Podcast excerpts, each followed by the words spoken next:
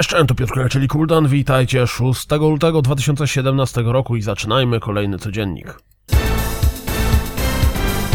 Do Heroes of the Storm dojedzie, hahaha, Lucio z Overwatcha. Zwiastunem zapowiedziano, że Knights of Valor zawitają na PlayStation 4.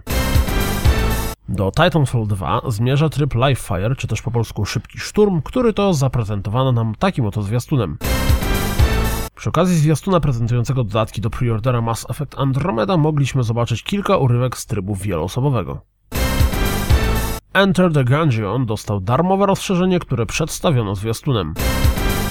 Pojawił się premierowy zwiastun Forma.8, który wygląda całkiem ładnie, a sama gra przypomina mi trochę Pixel Junk Shooter.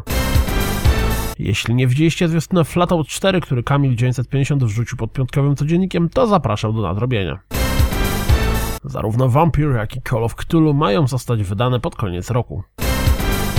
Fallout Shelter 7 lutego zawita na Xbox One i Windowsa 10. Stardew Valley zostanie wydane przez 505 Games w pudełku. Ciekawe, czy ktoś wydają u nas.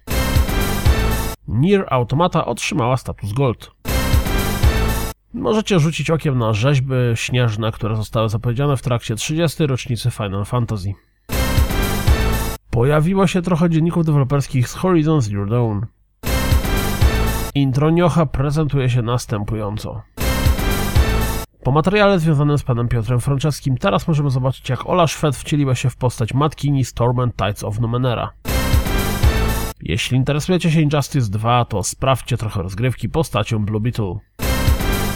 Wiedzieliście, że Platy masz zrobili zwiastun prezentujący Watch Dogs 2? No to koniecznie sprawdźcie materiał Making of, bo pada tam trochę ciekawostek. To wszystko na dziś, jak zawsze. Dziękuję za słuchanie, jak zawsze zapraszam na www.rozgrywkapodcast.pl Jeśli doceniacie moją pracę, wesprzyjcie mnie na Patronite i mam nadzieję, że słyszymy się jutro. Trzymajcie się, cześć!